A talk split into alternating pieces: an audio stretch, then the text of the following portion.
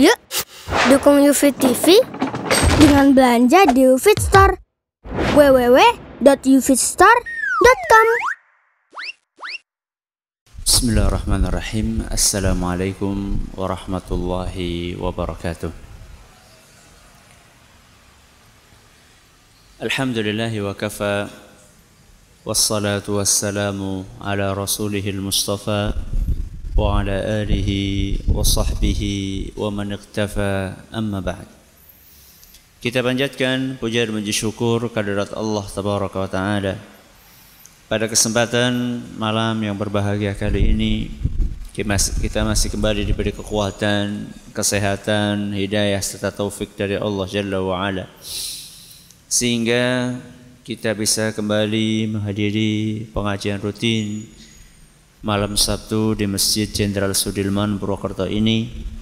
Kita berharap semoga Allah Tabaraka wa Ta'ala berkenan untuk melimpahkan kepada kita semuanya ilmu yang bermanfaat sehingga bisa kita amalkan sebagai bekal untuk menghadap kepada Allah Jalla wa Ala. Allahumma amin.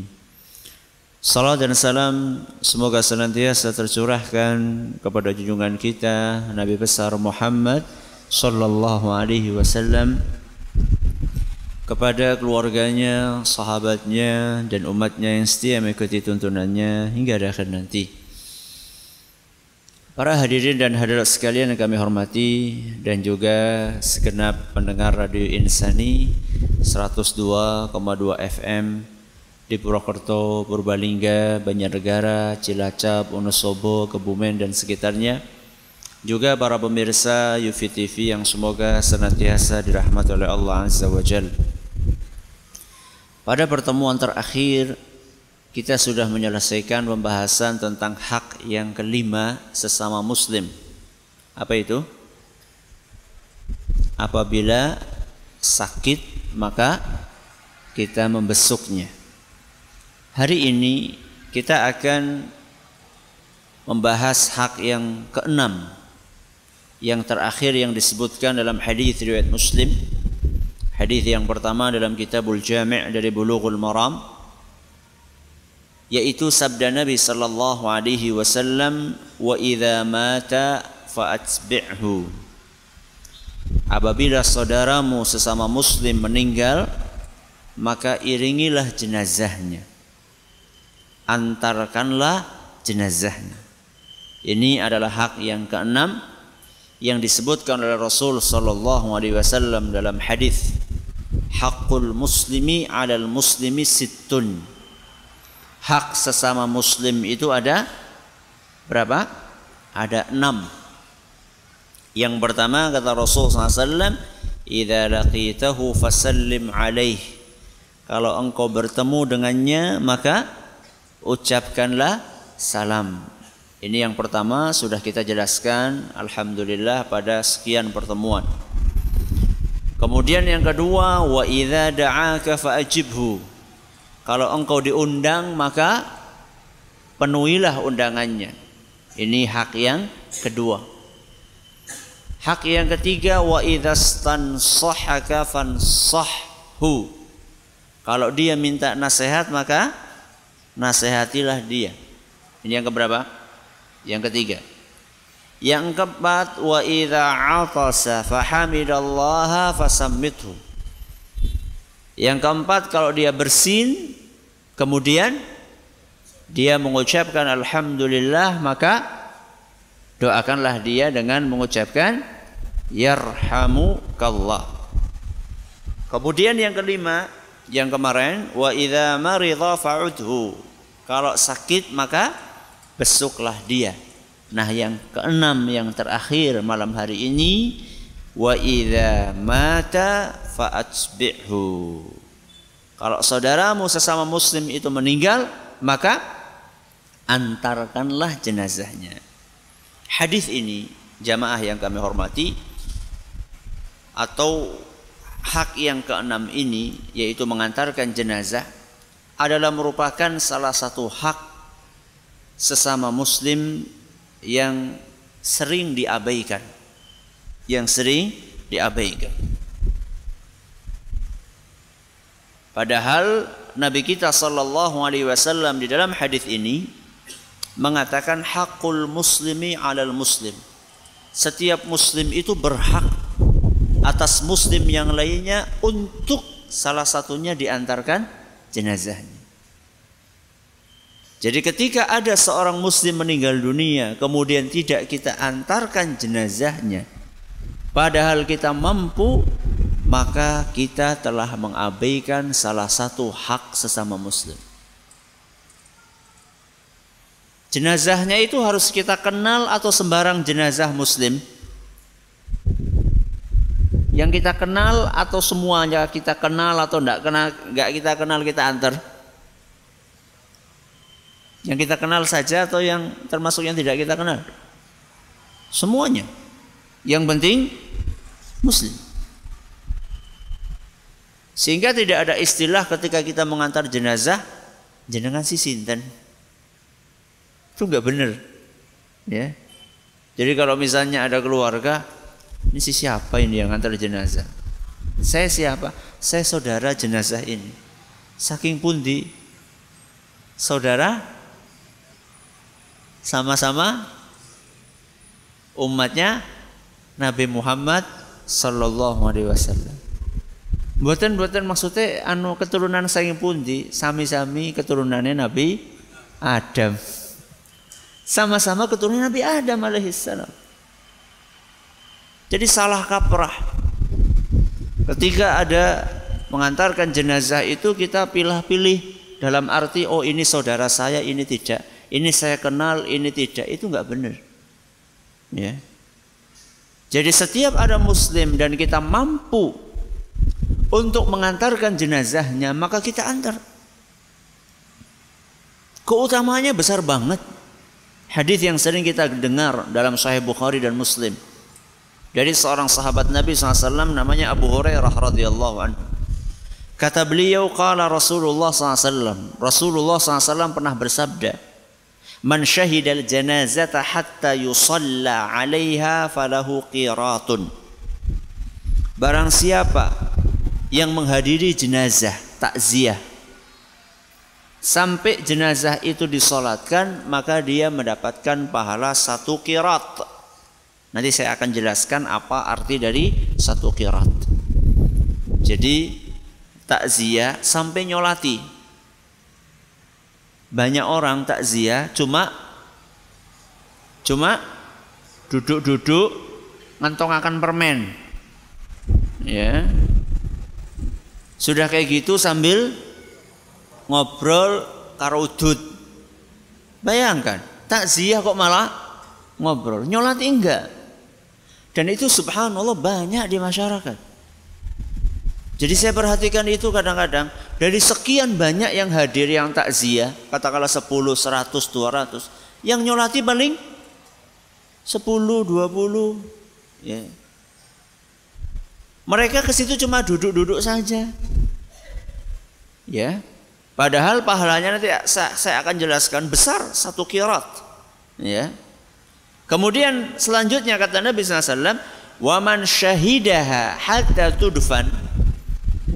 Barang siapa yang bertakziah menghadiri jenazah sampai dimakamkan alias nganter sampai ke mana? Ke kuburan, maka dia akan mendapatkan dua kirat. Kalau tadi sampai nyolati dapat satu kirat, kalau dua kirat itu buat mereka yang nyolati kemudian mengantarkan sampai ke makam. Dan ini lebih sedikit lagi. Yang nyolati sedikit, yang nganter lebih sedikit lagi. Banyak mereka begitu jenazah diantar ke mana? Ke pemakaman satu persatu ya belipir belipir belipir longa yang ini juga sini sini akhirnya yang sampai ke pemakaman lebih sedikit lagi dan di antara yang di pemakaman yang khusyuk, yang mikirin masalah mati dari yang sedikit itu lebih sedikit lagi.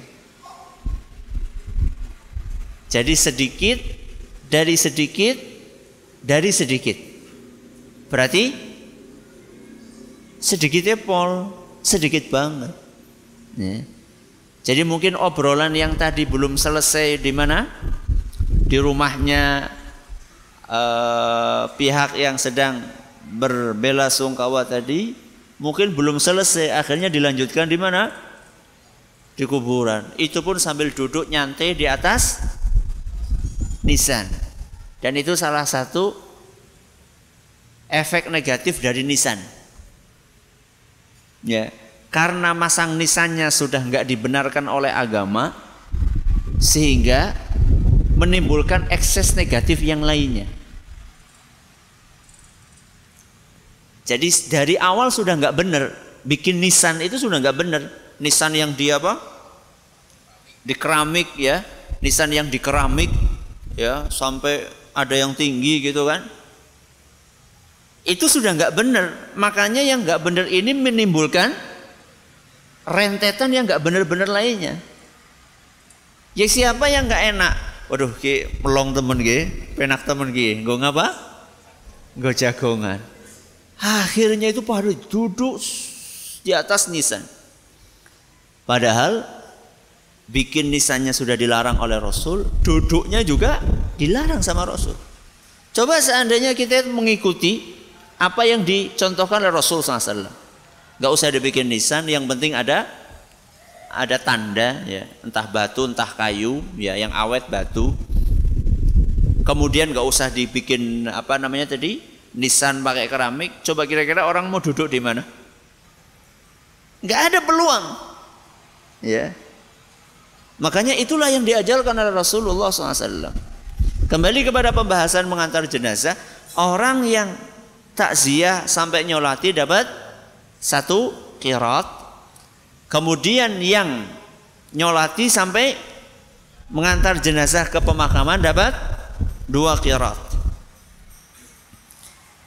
Kemudian ditanya, ya ditanya Abu Hurairah radhiyallahu anhu wama qiratani wama qiratani kirat itu apa satu kirat itu seperti apa dua kirat seperti apa maka kemudian beliau menjawab mithlul jabalainil azimain dua kirat itu sama dengan dua gunung besar Satu kirot berarti satu gunung, dua kirot berarti dua gunung. Dua gunung apa gue? Pahala. Ya.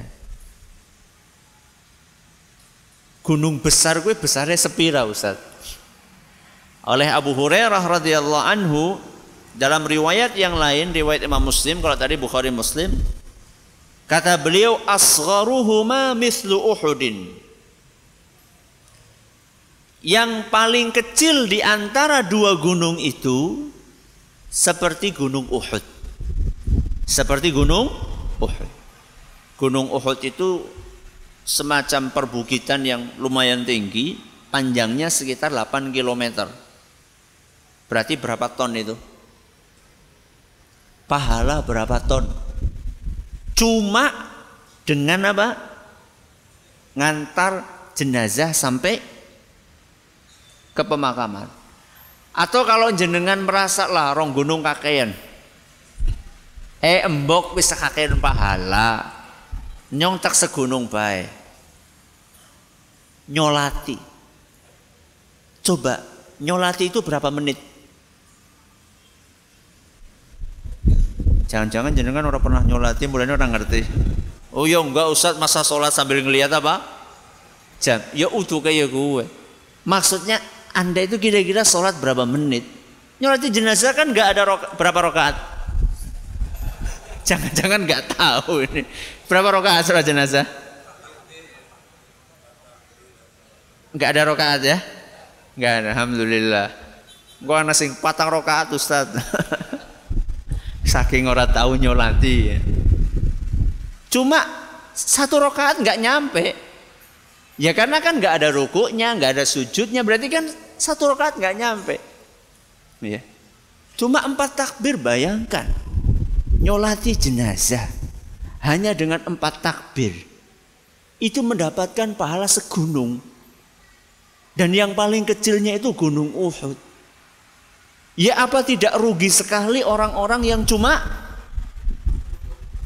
pahala sudah di depan dia.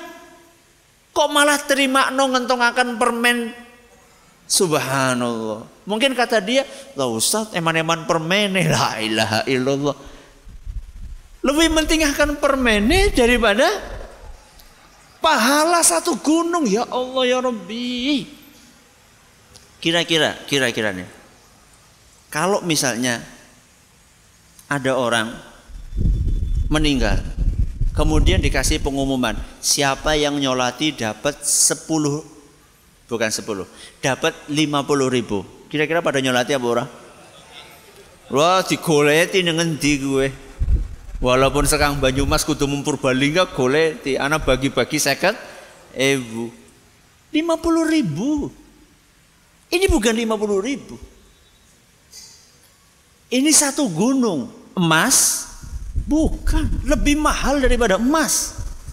Kalau emas tuh bisa habis. Sebesar gunung pun emas itu akan habis. Kalau nggak percaya lihat Freeport. Enteng, Mbok. Berapa gunung di sana? Bergunung-gunung. Kalau ngelihat penggaliannya itu sampai ya Allah, nggak tahu nih kalau sudah habis emasnya jadi apa itu sudah. Ya. Emas itu habis. Sebesar apa pun emas akan habis. Ya. Yang nggak akan habis adalah pahala. Yang akan kita manfaatkan nanti pada hari kiamat. Khalidina fiha abada. Akan kekal menikmati pahala itu selama-lamanya. Itu kita abaikan. Makanya subhanallah ini hadis pernah sampai ke telinganya Ibnu Umar. Jadi tadi hadis dari Abu Hurairah. Ini hadis sampai ke telinganya Ibnu Umar. Karena Ibnu Umar, Ibnu Umar radhiyallahu anhu salah seorang sahabat juga dahulu yusalli 'alaiha thumma yansarif. Ibnu Umar radhiyallahu anhuma itu biasanya dahulu setelah nyolati jenazah pulang. Yang penting sudah nyolati.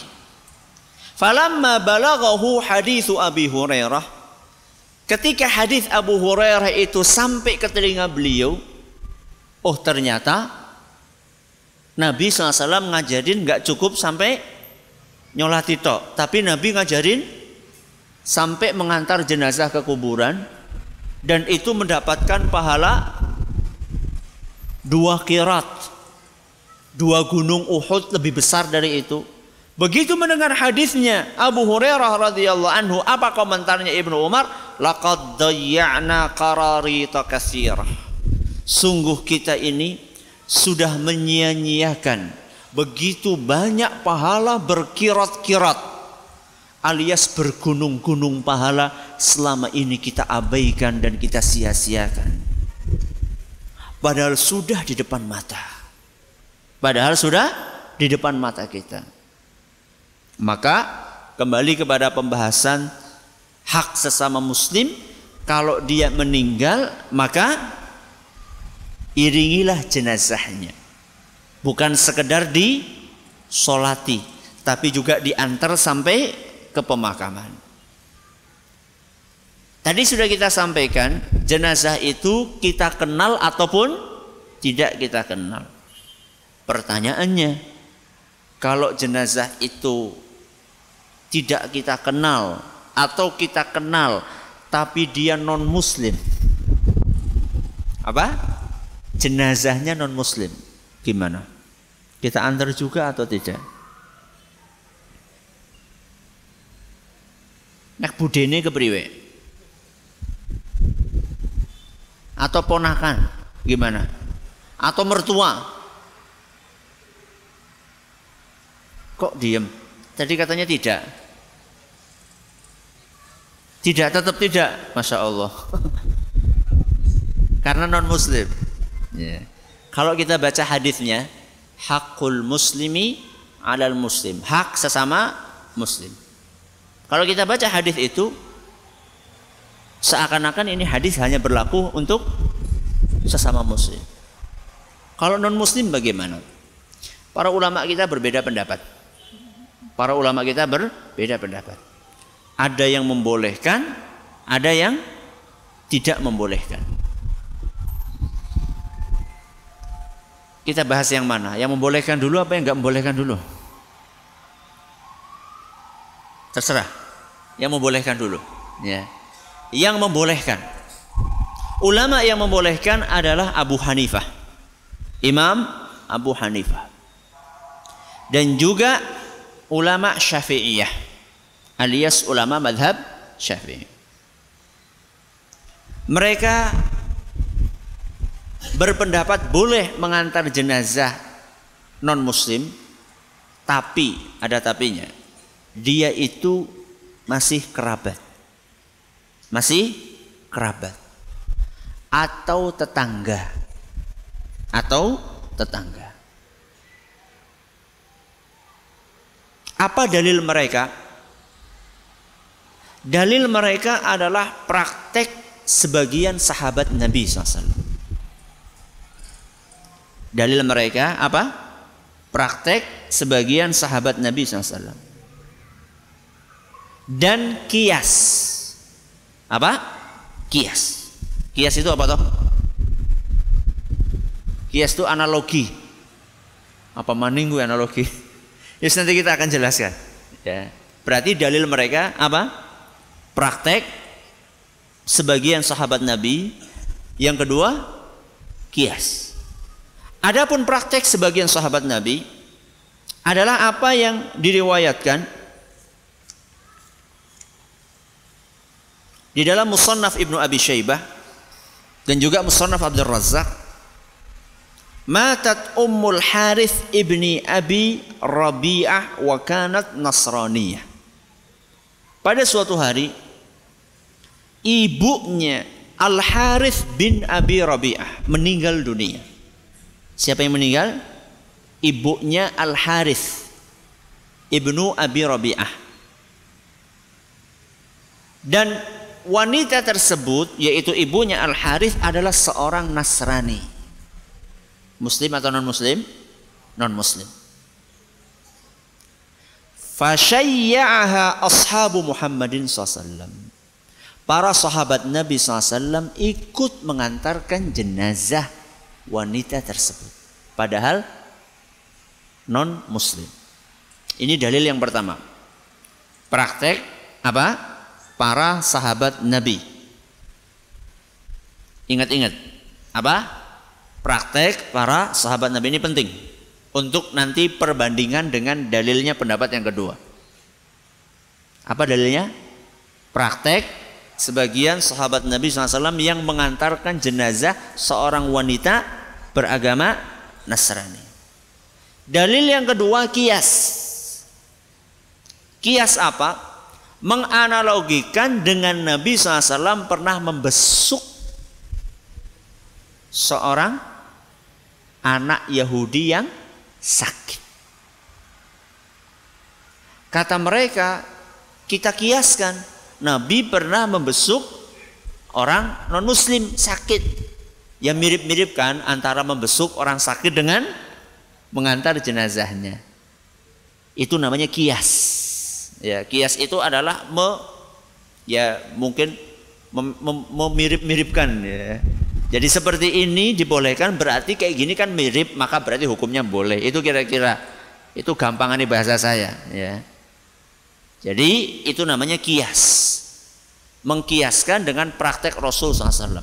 Tapi kalau Rasul sendiri belum ditemukan riwayat yang beliau pernah mengantar jenazah orang kafir. Cuma Nabi pernah membesuk orang kafir yang sakit. Ya membesuk orang sakit sama orang meninggal yang mirip-mirip lah. Makanya boleh. Ini adalah dalil yang kedua. Sudah. Ini pendapat yang pertama. Pendapat yang pertama mengatakan boleh atau tidak? Boleh.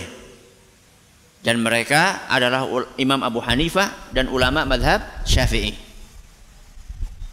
Dalilnya apa tadi?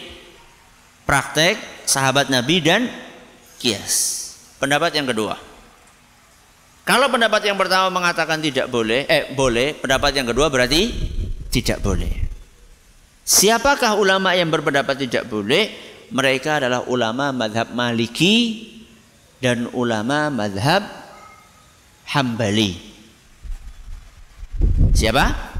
Ulama madhab maliki sama ulama madhab hambali. Coba kita ulang lagi. Tadi yang pertama siapa ulamanya?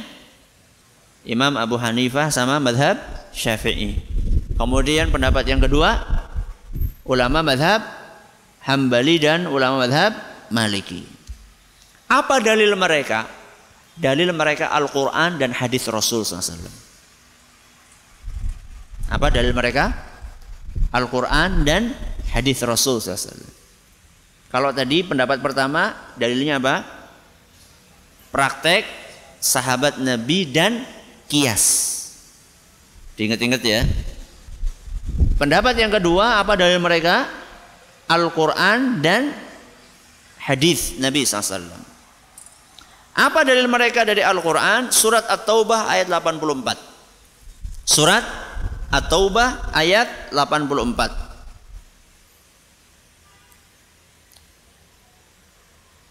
Apa bunyinya?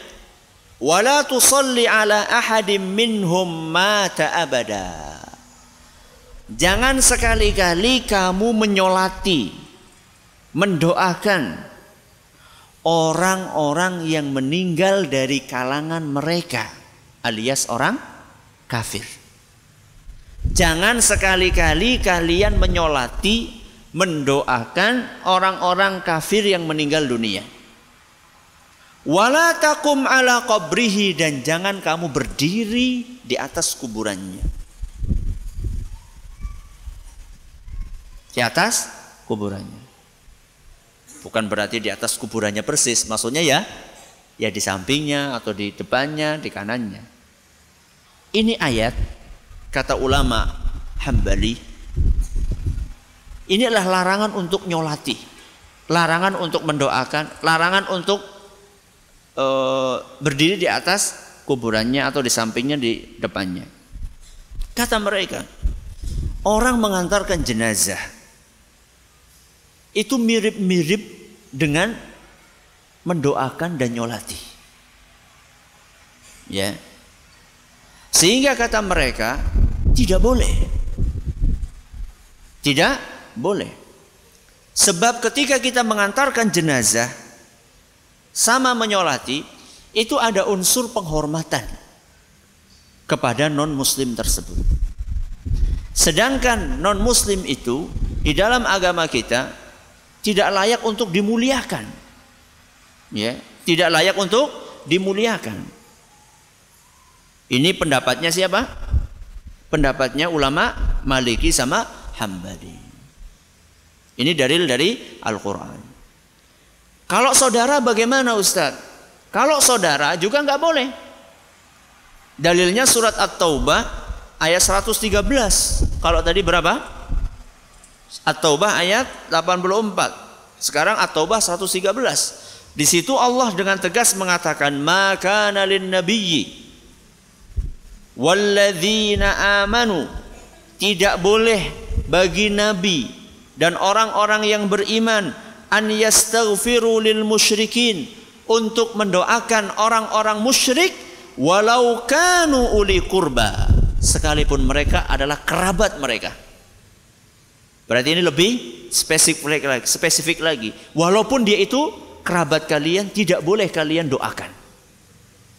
Ya. Ini surat At-Taubah ayat 113. Masih ada dalil yang lain. Saya cukupkan dua ayat tadi. Tadi saya katakan dalilnya Quran sama hadis. Hadis Nabi apa dalilnya? Adalah ketika paman beliau yang sangat beliau cintai meninggal dunia. Siapa itu? Abu Talib. Dan masih ingat bagi yang hadir pengajian sirah Nabi SAW kemarin di mana? Di Masjid Agung Baitus Salam. Paman Nabi SAW meninggal dalam keadaan beragama Islam atau tidak? Tidak beragama Islam. Apakah Rasul SAW mengantar jenazah pamannya ke kuburan? Mengantar tidak? Tidak mengantar. Padahal ini adalah kerabat beliau yang sangat berjasa kepada Nabi SAW. Bukan hanya berjasa kepada Nabi, juga berjasa kepada agama Islam. Bukan berjasa, bukan hanya berjasa kepada Nabi secara pribadi, juga berjasa kepada agama Islam. Karena beliau melindungi Nabi SAW yang mendakwahkan agama Islam. Bahkan kemarin saya sampaikan ketika pengajian fikih sirah, bisa jadi jasanya Abu Talib terhadap Islam dibandingkan jasanya kita kepada Islam besar mana? Bisa jadi besar jasanya Abu Talib padahal dia orang kafir non muslim. Akan tetapi ketika Abu Talib meninggal dunia, apa yang dipesankan oleh Nabi Shallallahu Alaihi Wasallam kepada putranya sendiri? Siapa putranya? Abu Talib putranya siapa? Banyak. Di antaranya adalah Ali bin Abi Talib. Apa pesannya Nabi Shallallahu Alaihi Wasallam? An Aliin radhiyallahu anhu qal. Ali ibnu Abi Talib berkata, Qultu lin Nabi SAW, aku ketika bapakku meninggal, aku berkata kepada Nabi SAW, Inna ammaka dhalla qad mat. Wahai Nabi, pamanmu yang tersesat itu, maksudnya yang tidak masuk Islam. Bayangkan, ini anak membicarakan tentang bapaknya. Ya, pamanmu, syekh orang yang sudah sepuh, yang sudah tua, yang tersesat tersebut, qad mata, sudah meninggal. Sudah meninggal. Qala, Nabi SAW menjawab, Idhab fawari abak. Pergilah engkau kuburkan bapakmu. Kuburkan bapakmu. Itu pesannya Nabi. Nabi berangkat enggak? Hadis riwayat Abu Dawud An-Nasai dan dinyatakan oleh Imam Ar-Rafi'i hadis ini adalah bisa dipakai sabitun masyhur. Ya, masyhur itu terkenal sabit yakni bisa diamalkan ya. Dan Syekh Al-Albani menyatakan hadis ini sahih. Ya. Jadi ini menunjukkan bahwa Nabi SAW tidak mengantarkan jenazah siapa? Pamannya sendiri yang sangat berjasa kepada agama ini. Kenapa? Karena itu adalah merupakan sesuatu yang kaitannya dengan prinsip. Kalau berbuat baik, oke okay, berbuat baik. Akan tetapi ketika sudah masuk dalam tarafan seperti ini, tahapan seperti ini, maka beliau SAW menganggap itu bagian dari prinsip sehingga beliau tidak mengantarkan jenazah walaupun beliau tetap memerintahkan supaya dimakamkan oleh putranya sendiri yaitu Abu Talib. Eh maaf, Ali bin Abi Talib. Ada berapa pendapat berarti? Dua pendapat. Pendapat yang pertama mengatakan boleh. Mereka adalah ulama Abu Hanifah dan madhab Syafi'i. Mereka berdalil dengan praktek sebagian sahabat Nabi SAW dan kias. Pendapat yang kedua adalah ulama madhab Maliki dan ulama madhab Hambali. Mereka berdalil dengan Al-Quran dan hadis Nabi SAW. Ustaz, dua pendapat itu Ustaz milih mana? Kalau secara dalil kelihatan lebih kuat pendapat yang kedua. Karena apa? Dalilnya Quran sama hadis. Kalau dari sisi dalil itu lebih kuat pendapat yang kedua wallahu alam bisawab. Tapi kalau dari praktek di masyarakat lebih enak yang mana? Kok mengamalkan yang enak Ustaz? Enggak, kita ngelihat orang itu lebih suka yang mana? Pertama apa yang kedua? Yang pertama. Ya. Kalau ngeliat kebanyakan orang sukanya yang mana? Karena yang pertama ini mungkin dianggap lebih apa ya? Lebih toleran, kemudian apalagi untuk kepentingan politik itu lebih lebih nyaman untuk kepentingan politik. Memang kalau dari sisi dari lebih kuat pendapat yang kedua. Ya, wallah alam bisawab itu lebih kuat. Nah, terus bagaimana Ustadz? Kalau misalnya ada seorang non muslim meninggal dunia di satu komunitas yang muslim semuanya. Ada orang kafir meninggal, dia di kampung, ya, dia di kampung semuanya muslim. Mungkin nggak seperti itu? Banyak mungkin. Itu bagaimana Ustadz? Masa kita nggak ngantar ke kuburan nanti siapa yang yang ngurusi jenazahnya Ustadz?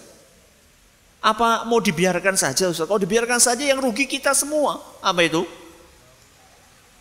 Ya berbau lah. Dibiarkan jenazah. Bagaimana Ustadz? Kalau memang tidak ada yang merawat jenazah tadi dari sesama agama mereka. Dari sesama agama mereka dan biasanya mereka ada utusan ya dari tempat ibadah. Kalau Nasrani ya dari gereja ya. Kalau agama yang lain ya dari tempat ibadahnya masing-masing biasanya mereka ada utusan. Lah kalau ternyata orang tersebut tidak ada yang merawat dari rekan-rekan satu agama mereka. Itu bagaimana Ustadz?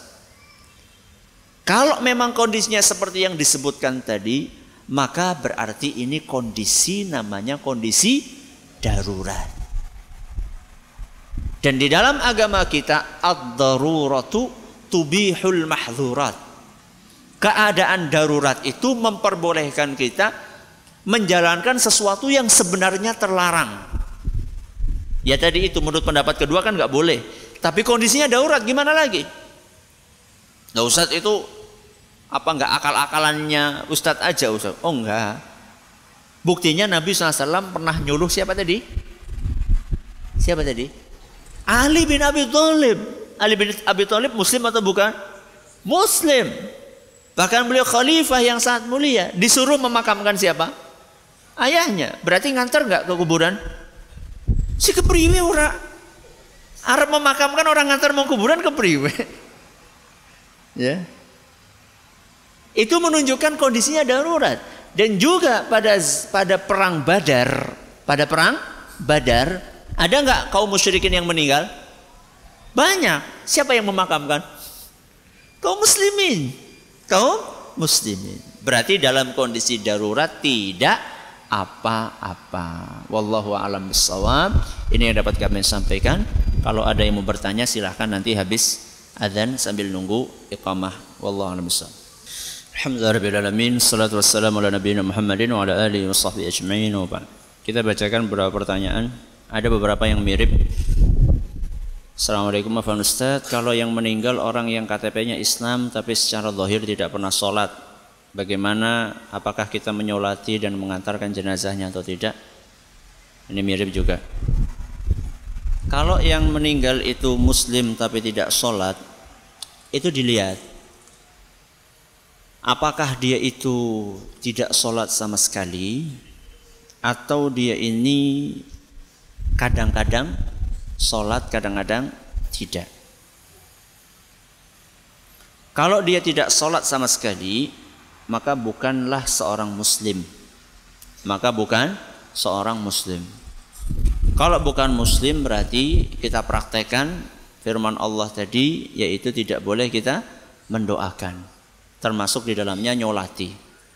Itu kalau tidak sholat sama sekali seumur-umur. Tapi kalau dia kadang sholat, kadang tidak, ini masih muslim. Ini masih muslim menurut pendapat sebagian ulama. Sehingga kalau masih muslim maka setidak-tidaknya ada yang nyolati.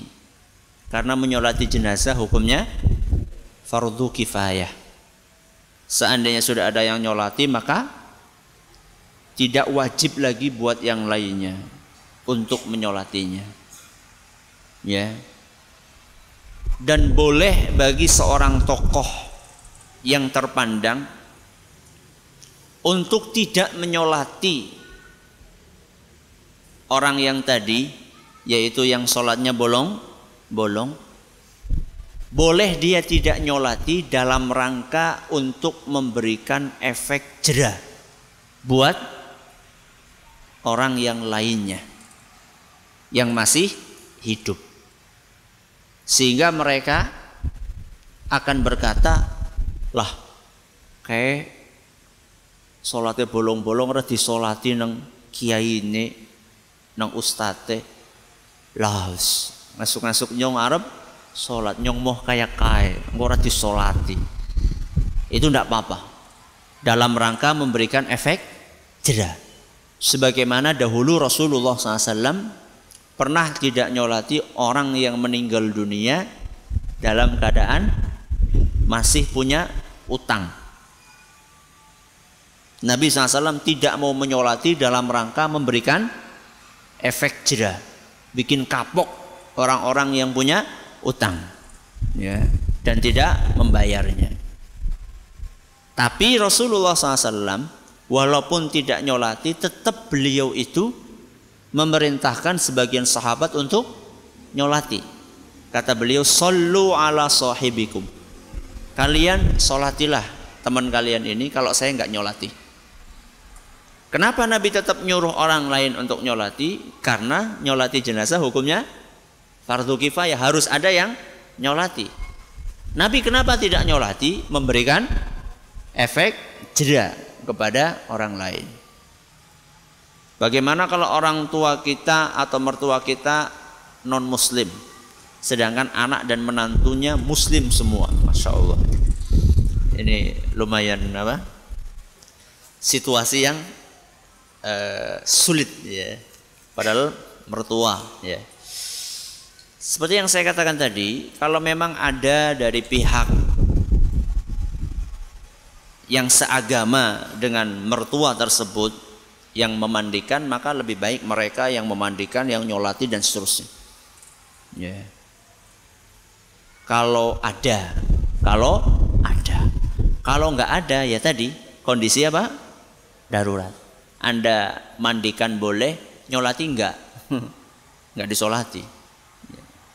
Sholat kan mendoakan, mendoakan apa? Supaya diampuni. Orang kafir tidak diampuni sama Allah Subhanahu wa taala. Jadi jawabannya bisa dipraktekkan keterangan yang tadi sudah pernah saya sampaikan. Saat kami pernah mendengar ada hadis yang menerangkan adanya keistimewaan orang yang meninggal karena sakit perut atau berkaitan dengan perut. Mohon penjelasannya. Iya, itu termasuk orang yang mendapatkan pahala seperti orang yang syahid. Orang yang syahid. Orang yang meninggal karena penyakit perut itu bukan mesti sakit mahtok gitu. Pokoknya penyakit yang di perut. Ya penyakit di perut banyak banyak. Ada ginjal, ada kanker liver itu semuanya perut. Pokoknya orang yang meninggal karena sakit di perutnya itu dia mendapatkan pahala seperti orang yang syahid. Nek ora salat Ustaz. Nek ora salat kepriwe Ustaz? Nah, gimana? Iya tentunya hadis Nabi berlaku tadi bagi orang-orang yang yang muslim yang sholat ya. sholat beribadah ya. jadi kita itu ketika membaca hadis itu jangan cuma dibaca satu hadis tapi kita berusaha untuk mendudukkan, mengumpulkan banyak hadis. Contoh, tandanya husul khotimah meninggal hari Jumat misalnya. Loh kayak Ustaz meninggal pas Jumatan, eh bukan pas Jumatan, pas hari Jumat nengendi, pas lagi nonton ebek Ustaz. Lah, kan hari Jumat Ustaz. Yang dilihat itu, ya betul itu satu hadis, tapi coba anda, anda lihat hadis-hadis yang lain. Hadis-hadis yang lain menjelaskan bahwa tanda husnul khotimah antara lain atau dalil-dalil yang lain menjelaskan orang itu meninggal dalam keadaan beribadah kepada Allah Subhanahu wa taala.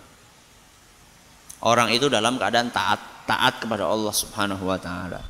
Jadi satu hadis dipakai jangan mengabaikan hadis-hadis yang lain. Pemahaman seseorang itu tidak akan benar, tidak akan sempurna terhadap suatu hadis, suatu dalil kalau tidak dipadukan seluruh dalil yang berkenaan dengan masalah itu. Makanya sebagian ulama hadis mengatakan innal haditha idza lam tujma' turuquhu lam yufham. Hadis itu kalau riwayat-riwayatnya tidak dikumpulkan semuanya, didudukkan, dibaca semuanya, dipadukan, itu nggak bisa dipahami dengan benar akan ada kesimpulan yang sifatnya parsial, tidak sempurna. Itu kalau cuma mengambil satu hadis atau dua hadis. Tapi hadis-hadis, ayat-ayat yang berkaitan dengan itu harus dikumpulkan, kemudian disimpulkan. Kenapa? Karena agama kita itu bukan dibangun di atas satu ayat atau satu hadis. Agama kita itu dibangun di atas hadis dan Al-Quran semuanya. Ya, makanya panjenengan kalau sudah hafal satu hadis itu jangan apa? Jangan langsung wah nyong wis apal satu hadis. Ya. Enggak. Jadi perlu kita apa? Kita simpulkan, kita kumpulkan. Ustaz hukum azan dan iqamat di liang kubur bagaimana Ustaz? Ada sebagian berpendapat bahwa azan di kuburan itu dikiaskan dengan azan terhadap bayi yang baru lahir. Jadi orang itu ketika lahir muncul di dunia diazani, ketika meninggalkan dunia juga diazani, dibuka dan ditutup dengan azan. Ada sebagian berpendapat seperti itu. Tapi kalau kita lihat dari praktek Rasulullah SAW, maka saya belum menemukan hadis yang sahih yang menunjukkan bahwa Rasulullah SAW ketika ada orang meninggal beliau ngajak untuk atau mengajarkan untuk diadani dan nampaknya itulah yang lebih hati-hati. Ya yang lebih hati-hati untuk amalan kita. Ya, jadi Nabi SAW setahu kami belum pernah mempraktekkan hal tersebut atau mengajarkan hal tersebut dalam hadis yang sahih maka lebih baik tidak dilakukan. Lebih baik tidak dilakukan. Wallahu alam bisawab. Uh, terima kasih atas perhatiannya. Dan juga solatnya dia semasa hidup. Dan ketika dia memenuhi panggilan azan semasa dia hidup itulah yang akan membantu dia. Itulah yang akan membantu dia ya kalau memang dia dulunya nggak sholat ya wis wis telat wis wis telat ya dia dulu ketika dipanggil-panggil, ketika masih hidup dipanggil-panggil pakai azan kok enggak berangkat-berangkat. Yus telat. Sekarang sudah bukan masanya dipanggil lagi. Kalau dipanggil lagi hayya Allah sholah kemudian bangkit nanti malah lari semua nanti malah. Ya. Jadi sudah telat. Dia itu dulu seharusnya dia panggil untuk apa? Hayya Allah sholah itu dulu ketika masih hidup. Kalau sudah meninggal sudah. Sudah meninggal sudah ya itu sudah tinggal me mempertanggungjawabkan perbuatan dia waktu beramal sudah selesai tinggal pertanggungjawaban atas apa yang dia perbuat semasa hidupnya ini yang dapat kami sampaikan. Terima kasih atas perhatiannya. Mohon atas segala kurangnya. Kita tutup dengan membaca subhanakallahumma wa bihamdika asyhadu an la ilaha illa anta astaghfiruka wa atubu ilaik. Assalamualaikum warahmatullahi wabarakatuh